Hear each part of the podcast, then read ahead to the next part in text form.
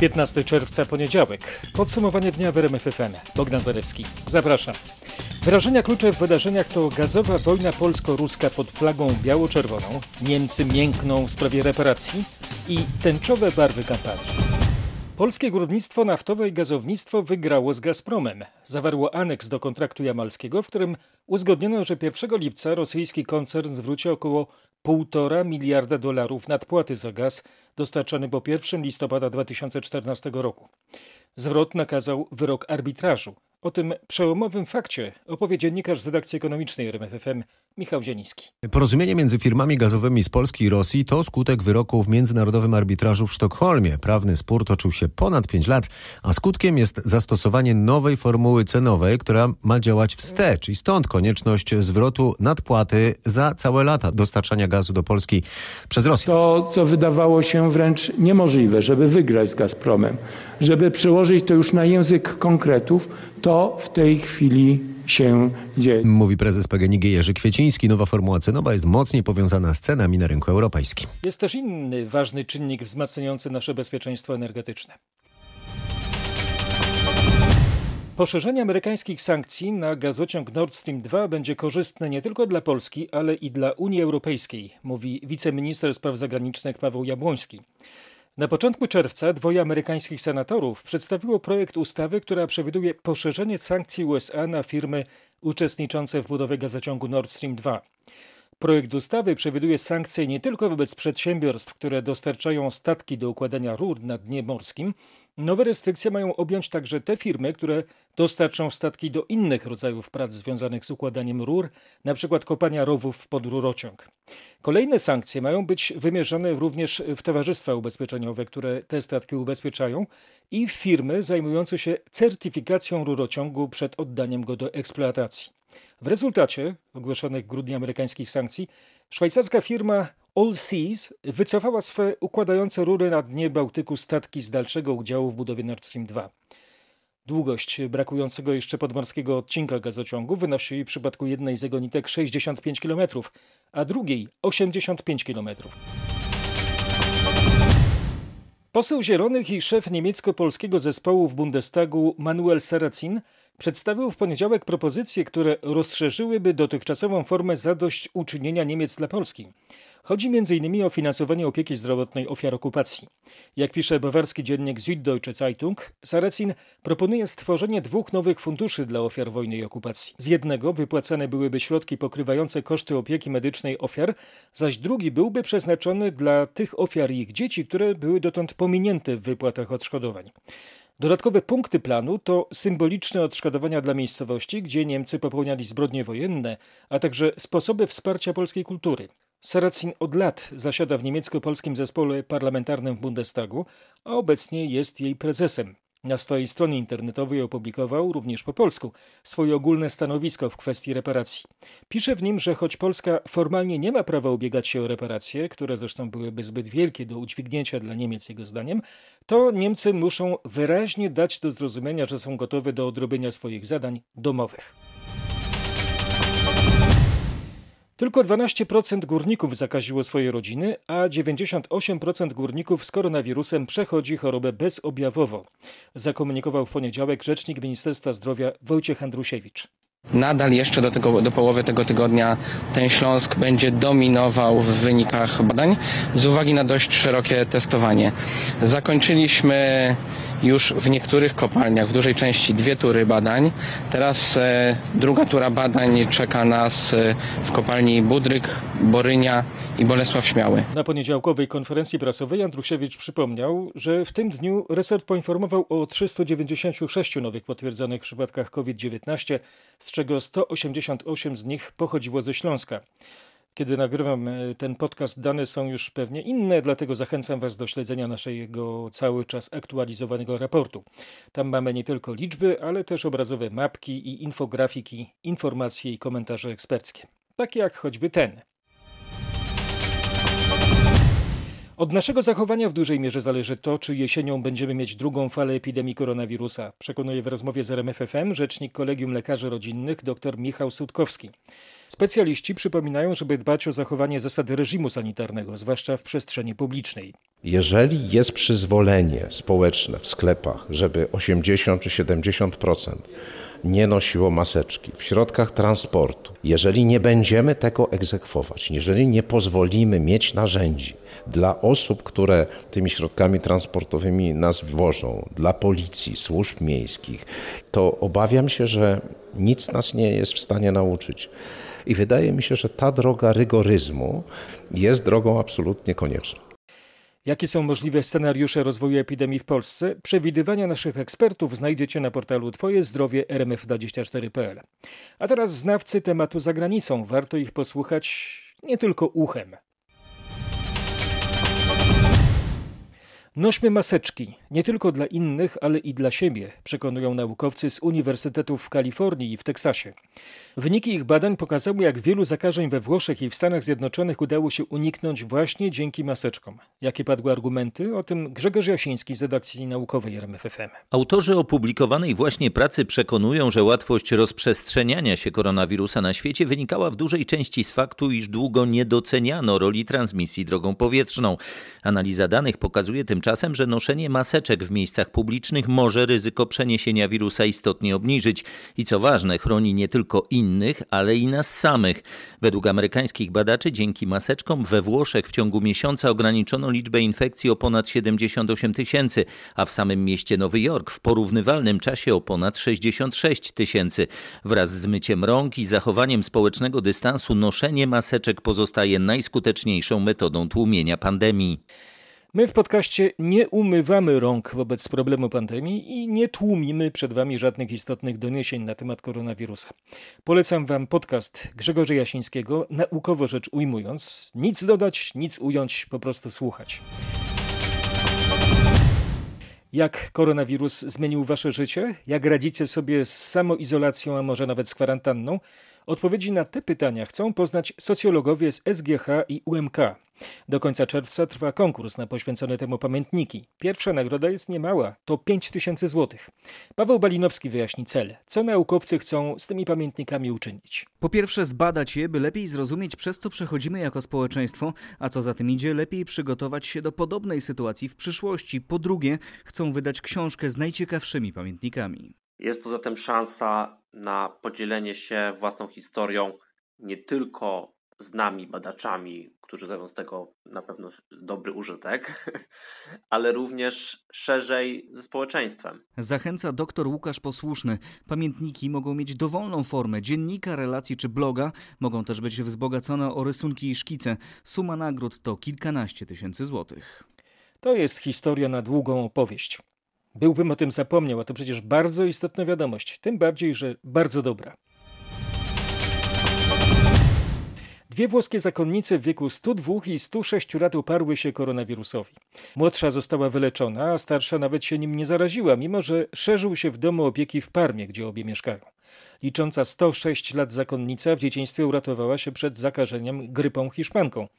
No dzięki Bogu teraz też się nie dała. To byłby cud, gdyby te słowa z Polski dotarły do włoskich zakonnic, ale pozdrawiamy serdecznie.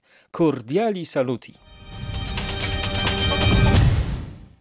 A teraz most, który dzieli i muzyka, która łączy. W Cieszynie na przeprawę graniczną weszli mieszkańcy miasta. Protestowali, bo nie zgadzają się z decyzją rządu czeskiego, który utrzymał ograniczenia przy przekraczaniu granicy tylko dla mieszkańców województwa śląskiego. Akcja na moście odbywała się w ciszy, a tym, co łączyło obie części miasta, była muzyka. Dźwięki beskidzkiej trąbity po polskiej i kobzy po czeskiej stronie granicy. Górale Beskidzcy też protestują? Oczywiście, że tak. Jesteśmy jednością jako Śląsk Cieszyński. Wszyscy razem. Pani przyniosła ze sobą kartkę. Co tu jest napisane? Otwórzcie granicę. Też mam ze sobą flagę Księstwa Cieszyńskiego, która jest symbolem całej ziemi cieszyńskiej i Śląska naszego, że jesteśmy jednością, mimo że decyzje rządzących czasem są tutaj e, niepopularne i krzywdzące dla nas. Tęsknimy za tym, żeby granice w końcu były otwarte i żeby to znowu było jedno miasto. Protest na moście w Cieszynie obserwował Marcin Buczek. Obserwował i słuchał. No, cieszy nas taka wspólnota. A co z władzami? Budujcie mosty do pana starosty. Nie, to za mało, chyba trzeba dalej. A teraz nasze wybory w dobie koronawirusa. Mamy zarejestrowane dotąd 290 tysięcy osób, które chcą głosować za granicą. To około 100 tysięcy więcej niż było 5 lat temu na pierwszą turę. Przekazał w poniedziałek rano wiceminister spraw zagranicznych Piotr Wawrzyk. Zaznaczył, że przyrost dzienny wynosi około 40 tysięcy osób i wytłumaczył reguły. To, czy w ogóle wybory możemy w danym państwie przeprowadzić, to nie jest decyzja Polskiego Ministerstwa Spraw Zagranicznych to władze danego państwa decydują o tych dwóch aspektach, czyli albo czy zgadzają się w ogóle na przeprowadzenie u siebie wyborów, a jeżeli tak, to w jakiej postaci, w jakiej formie z tych, które dopuszcza polskie prawo. Wiceszef MSZ zaznaczył, że głosowanie stricte korespondencyjne zostało wprowadzone m.in. przez USA, Wielką Brytanię czy Niemcy. Wawrzyk poinformował, że nie będzie możliwości udziału w wyborach np. w Wenezueli, Peru i Kuwejcie. Wynika to z sytuacji pandemicznej. Zdążyliśmy się już przyzwyczaić do specyficznego charakteru rozmów w RMFFM. Zwykle odbywają się one przez komunikatory, bez bezpośredniego kontaktu. Jednak nasz dziennikarz Robert Mazurek, zachowując reżim dystansu społecznego, e, potrafi skrócić dystans w wywiadzie z gościem. Tak jak w spotkaniu na odległość z liderem Platformy Obywatelskiej Borysem Budką. Posłuchajmy. Cieszę się, że pana widzę w dobrym zdrowiu i o zdrowie najpierw spytam, czy zabójcze koperty już nie zabijają? Stosujemy się do wytycznych ministra zdrowia. Przypomnę, Ale że to przypomnę, pan minister że wtedy też nie zabijały. I, I panie redaktorze, myślę, że należy stosować się do wskazań ekspertów. Staramy się zabezpieczać wszelkie nasze spotkania, aktywności. No cóż, takie mamy czasy, że mm, e, trzeba uważać na siebie, na najbliższych, uważać na tych, z którymi spotykamy się i samemu dbać bardzo mocno o higienę. Myślę, że te nawyki powinny z nami e, zostać już e, na zawsze, mm, więc dobry czas do tego, by marszałek dobre i profesor medycyny Tomasz Grodzki mówił 17 kwietnia o zabójczych kopertach. Wtedy było 461 zakażeń. Później zbierał listy, y, zbierał podpisy pod listami poparcia wtedy, kiedy było prawie 600 e, zakażeń dziennie. Rafał Trzaskowski 22 kwietnia, czyli dwa miesiące temu mówił o mówił, że będą zainfekowane koperty. Wtedy było 313 zakażeń, teraz jest w niedzielę było 375. I tak sobie myślę, e, ile osób zamordowaliście, posługując się waszą nomenklaturą, rzecz jasna, podczas zbierania miliona 600 tysięcy podpisów dla Rafała Trzaskowskiego? Podpisy były zbierane w mm, bardzo mocnym reżimie sanitarnym. Było tak, że wiele osób samo, same zbierały te, te podpisy. Natomiast zwracam uwagę, że pierwotny plan, który przedstawiłem, który był propozycją zgodnego z konstytucją rozwiązania kwestii późniejszych wyborów, został przez PiS odrzucony. Ale I całkowitą ja odpowiedzialność się na tym, co mówiliście. Wyborów e, mówiliście o tym, że to ten rząd. Naturalnie, ale ja chciałbym tylko zwrócić uwagę panu, że wcześniej, że straszyliście Polaków zabójczymi kopertami, zainfekowanymi kopertami, że rząd będzie miał krew y, na rękach, po trupach do władzy.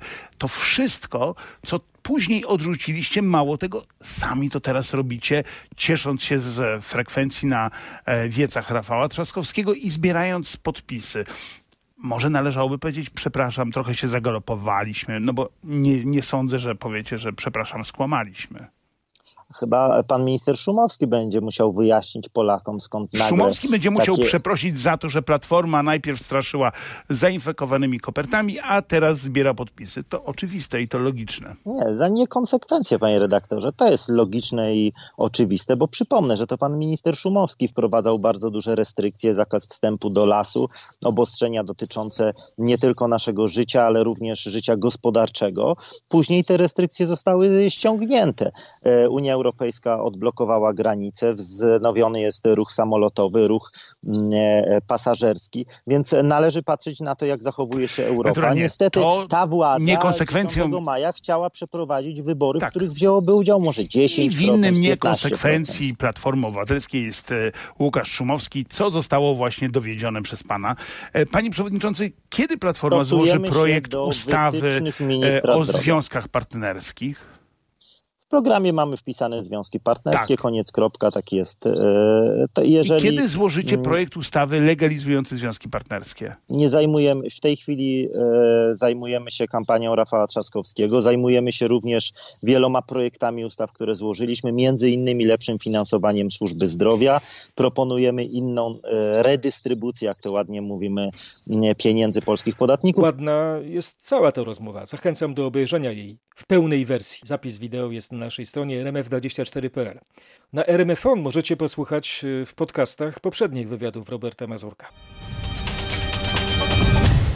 Borys Budka nie bardzo chciał się odnieść do obiecanej przez Platformę Obywatelską legalizacji związków partnerskich. Tak się złożyło, że kwestie takich międzyludzkich relacji urzędowych, uczuciowych czy seksualnych zdominowały naszą kampanię. Prowadzona przez prezydenta Andrzeja Duda i polityków PiS kampania w obronie tradycyjnych wartości rodzinnych, połączona z ostrą, czasem nawet bardzo ostrą krytyką obyczajowego liberalizmu, wywołuje reakcje tak w kraju, jak i za granicą. Rzecznik Praw Obywatelskich zaapelował o powstrzymywanie się od mowy, wykluczenia i pogardy w kampanii wyborczej. Adam Bodnar wydał oświadczenie, w którym stanowczo sprzeciwia się potęgowaniu uprzedzeń. Zapoznał się z nim Tomasz Skory i przekonał się, że Bodnarowi chodzi o konkretne wypowiedzi. Tak, bardzo konkretne i wszystkie z ostatnich dni. Rzecznik przywołuje kilka z nich. LGBT to nie ludzie, to ideologia, posła Żalka. Ci ludzie nie są równi normalnym ludziom, posła Czarnka. Polska bez LGBT jest najpiękniejsza, szefa sztabu wyborczego prezydenta prezydenta Joachima Brudzińskiego i wreszcie próbuje nam się wmówić, że tu ludzie, a to ideologia samego Andrzeja Dudy. Zdaniem RPO wszystkie te wypowiedzi stanowią niedopuszczalną w życiu publicznym mowę wykluczenia i pogardy. Żadne okoliczności, w tym kampania wyborcza, nie mogą być uzasadnieniem dla dehumanizacji grupy społecznej oraz homofobicznej retoryki, napisał Rzecznik Praw Obywatelskich. Pojawiła się też reakcja Katolickiego Uniwersytetu Lubelskiego w związku ze słowami wykładowcy uczelni profesora Przemysława Czarnka z Prawa i Sprawiedliwości w telewizji publicznej. Chodziło o wypowiedź w sobotnim programie Studio Polska. Poseł Czarnek mówił: Brońmy rodziny przed tego rodzaju zepsuciem, deprawacją, absolutnie niemoralnym postępowaniem. Brońmy nas przed ideologią LGBT i skończmy słuchać tych idiotyzmów o jakichś prawach człowieka czy o jakiejś równości. Ci ludzie nie są równi ludziom normalnym i skończmy z tą dyskusją. Po programie Czarnek wyjaśnił w mediach społecznościowych, że odcina się od wszystkich manipulacji dotyczących jego wypowiedzi. Podkreślił, że jego słowa odnosiły się do prezentowanego w programie zdjęcia z Los Angeles, na którym widać obrzydliwe sceny z centrum tego miasta. Człowiek roznegliżowany, z widocznymi genitaliami, popija drinka w barze gejowskim na ulicy. Jest mi przykro, że w ten sposób celowo przypisuje mi się intencje, których nigdy nie miałem, dodał Czarnek. Oto jak zareagowały władze Katolickiego Uniwersytetu Lubelskiego. Z ich oświadczeniem zapoznał się nasz reporter Krzysztof Kot. Konsekwencji dla profesora Czarnka nie będzie. Przynajmniej na razie nie, ponieważ wypowiedź, jak czytam w oświadczeniu KUL, nie była związana z jego działalnością akademicką, a wypowiedzi politycznych władze uniwersytetu nie komentują, ale co podkreślają, ta wypowiedź w żaden sposób nie może być utożsamiana ze stanowiskiem uczelni i w żaden sposób z takim podejściem się nie utożsamiają. To jednak nie koniec tematu, ponieważ do władz wpłynęły wnioski formalne dotyczące wypowiedzi. Rektor skierował je do rzecznika dyscyplinarnego. Oto polskie barwy kampanii, barwy w kolorze tęczy, widziane z Brukseli. Wiera Jourowa, unijna komisarz odpowiedzialna za kwestie praworządności, grozi wstrzymaniem finansowania unijnych projektów w regionach, które ogłosiły tzw. Tak strefy wolne od LGBT, donosi nasza korespondentka Katarzyna Szymańska-Borginą. Jourowa odniosła się także do słów prezydenta Andrzeja Dudy. W sobotę na spotkaniu w brzegu prezydent powiedział m.in. próbuje się nam wmówić, że LGBT to ludzie, a to jest po prostu ideologia. Wskazał, że przez cały okres komunizmu w szkołach dzieciom wciskano komunistyczną ideologię, a dzisiaj próbuje się wciskać inną ideologię. To jest taki neobolszewizm, stwierdził Andrzej Duda.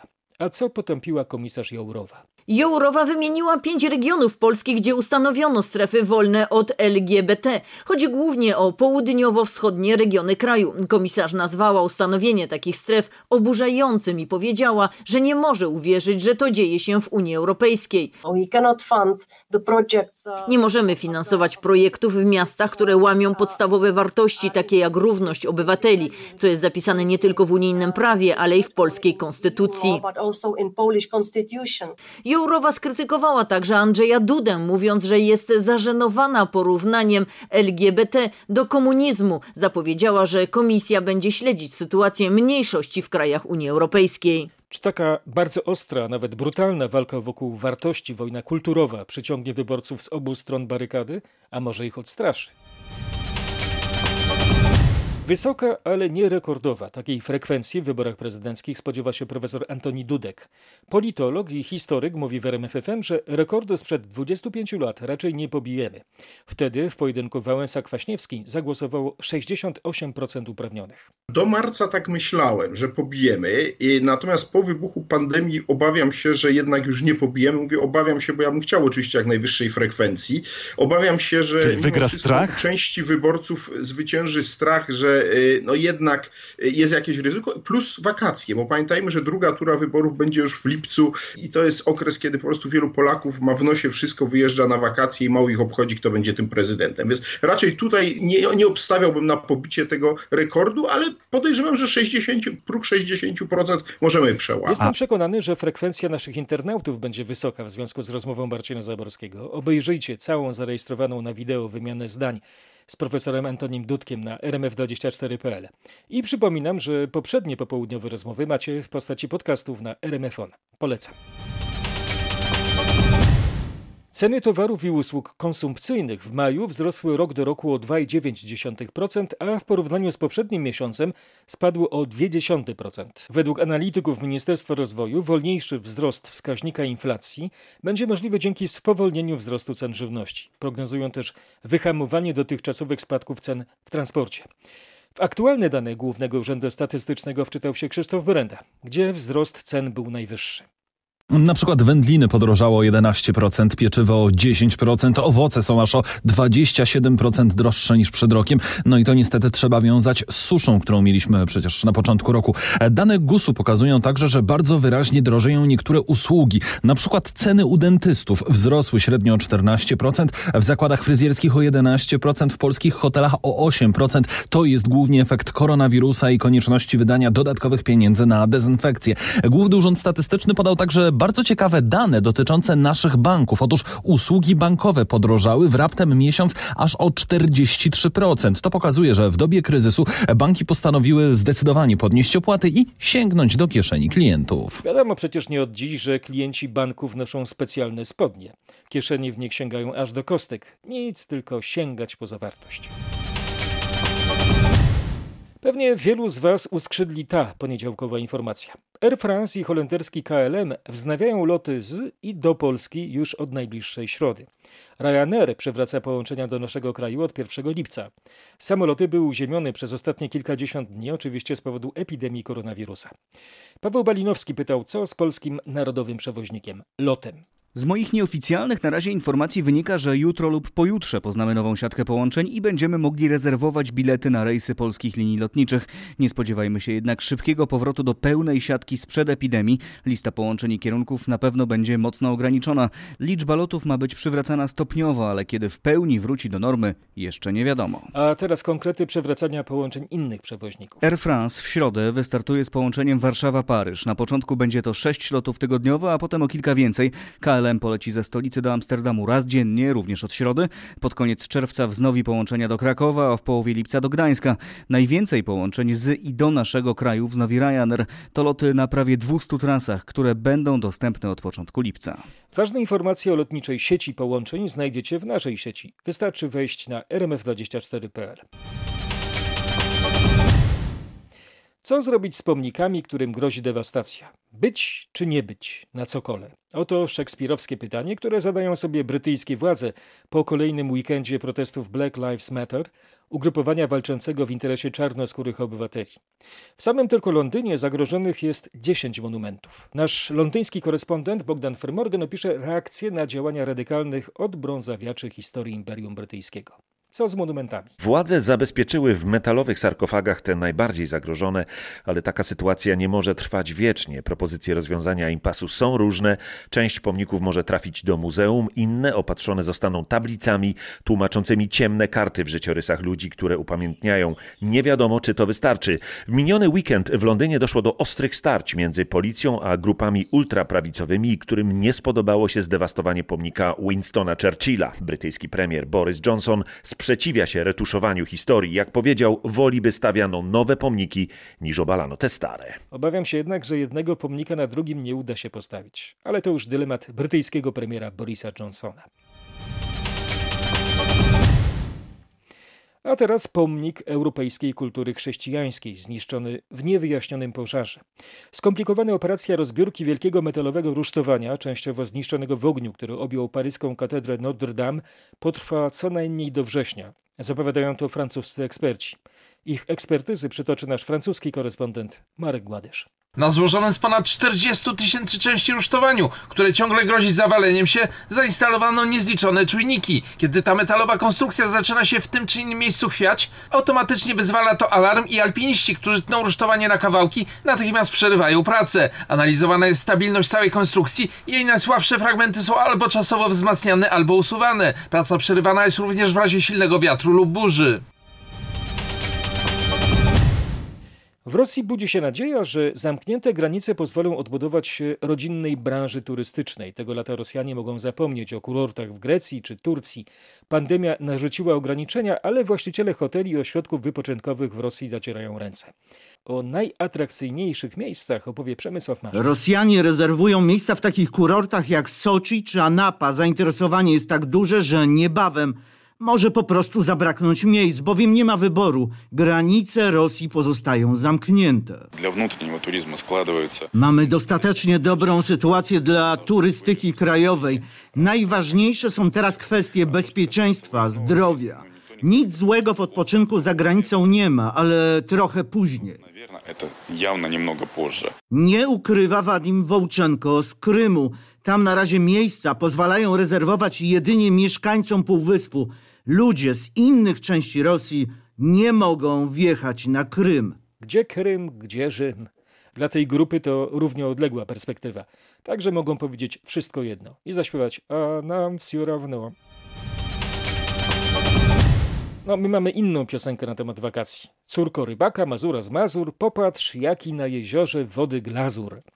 Długi czerwcowy weekend branża turystyczna powinna zanotować na plus. Tłumy turystów, jak w całej Polsce, odwiedziły mazurski raj natury. To naturalne, komentuje w miłej rozmowie z naszym reporterem Piotrem Bułakowskim Natalia Wrzosek z Urzędu Miasta w Mikołajkach. Jak widać, każdy jest spragniony e, e, obcowania z naturą, obcowania, ale też z drugim człowiekiem e, po tym okresie całego zamieszania spowodowanego koronawirusem. My się cieszymy, że zostajemy na Mazurach, że turyści odwiedzają Mazury. Część osób po raz pierwszy tutaj przyjeżdża albo wraca po no, naprawdę wielu latach. Tak, e, odkrywają na nowo e, uroki Mazur, uroki e, atrakcji, które tak naprawdę zmieniły się w przestrzeni tych ostatnich lat, bo każde z miast, które tutaj też jest na szlaku Wielkich Jezior Mazurskich, wykonało kawał dobrej roboty, żeby ci turyści odwiedzali nas i mieli tutaj co robić tak naprawdę. Aha.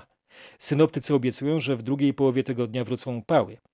A wróćmy jednak do poniedziałku, bo to podsumowanie dnia 15 czerwca. Podcast na RMFON. Sławomir Peszko wraca do Krakowa, ale nie zagra w Krakowi czy Wyśle. Podpisał kontrakt z Wieczystą Kraków. Wprawdzie nie wieczysty, ale na pewno wart, abyśmy poświęcili mu chwilkę w podcaście. Patryk Serwański z redakcji sportowej nie jest zaskoczony faktem, że reprezentant Polski zagra na szóstym poziomie krajowych rozgrywek. O tym transferze no, mówiło się od dłuższego czasu. Wieczysta ma sponsora, który chce, by klub piął się w górę krajowej hierarchii. Peszko to gwarant poziomu na boisku, ale także gwarant wzrostu popularności wieczystej. Peszko po południu będzie po raz pierwszy trenował z nowymi kolegami. Przypomnę, skrzydłowy rozegrał ponad 260 meczów w naszej ekstraklasie. 44 razy wystąpił w reprezentacji. To są gigantyczne liczby jak na ligę okręgową, w której teraz będzie grał. Peszko podpisał roczny kontrakt, który może zostać przedłużony o kolejnych 12 miesięcy. Niewykluczone, że za te 12 miesięcy w podcaście zrobimy podsumowanie gry Sławomira Peszko. Będzie wtedy 15 czerwca 2021 roku. Oj, spóźniają nam się plany kinowe. Mamy poślizg na planach filmowych. Niezwłocznie oddaję głos Katarzynie Sobiechowskiej-Szuchcie z redakcji Faktów Kulturalnych RMFFM. Wonder Woman 2 z Gal Gadot pojawi się w kinach dopiero 2 października, a nie jak wcześniej zakładano 14 sierpnia. Premiera czwartego Matrixa została opóźniona o prawie rok. Na szczęście tylko o dwa tygodnie przełożono kinową premierę szpiegowskiego widowiska Christophera Nolana. How would you like to die? Old. You chose the wrong profession. Tenet w kinach ma pojawić się 31 lipca. Nolan, twórca m.in. Incepcji, Dunkierki czy Mrocznego Rycerza, zastosował w nowym filmie m.in. technologię IMAX. Zdjęcia powstawały w siedmiu krajach. To jest jedna z najbardziej oczekiwanych premier tego roku. Mówi się, że to ten właśnie film odmrozi nasze kina. Dreszczowiec Nieobliczalny z Russellem Crowem też ze zmianą daty pojawi się na ekranach nie 3, a 10 lipca. Nie czas umierać. Nowy Bond z kończącym swoją przygodę w roli agenta 007 Danielem Craigiem 12 listopada trafi do kin w Wielkiej Brytanii i tu nowość 20 listopada zadebiutuje w kinach w USA. Też odmrozi kina, choćby było na termometrze tylko nieco powyżej zera, takie ledwo 007. Kilkadziesiąt tysięcy mieszkańców Gdyni przez dobrych parę dni nie będzie miało w kranach ciepłej wody. Przerwa związana jest z inwestycjami drogowymi, przede wszystkim budową tzw. Tak trasy kaszubskiej. Kuba Kaługa ustalił, które dzielnice będą się borykać z tym właśnie problemem. Dąbrowa, Karwiny, Wielki Kack, Mały Kack, a także Witomino. Około 60 tysięcy mieszkańców może nie mieć ciepłej wody do końca tygodnia, choć jak usłyszałem od rzecznik gdyńskiego OPEC-u, czyli dostawcy ciepła, jeśli prace związane z przebudową ciepłociągu pójdą sprawnie, możliwe, że wszystko wróci do normy szybciej. Prócz wspomnianej trasy kaszubskiej chodzi też o inną, zdecydowanie mniejszą lokalną inwestycję, czyli przebudowę ulicy Hodowlanej na Witominie. Kolejna podobna przerwa, ale krótsza w tych samych miejscach planowana jest na połowę lipca. Ciepło pozdrawiamy Gdynian. Gorąco Wam wszystkim dziękuję za uwagę. Bogdan Zarewski, zapraszam na wtorek na kolejny podcast. Jeśli Wam się spodobał, to subskrybujcie. Podsumowanie dnia w RMFFM.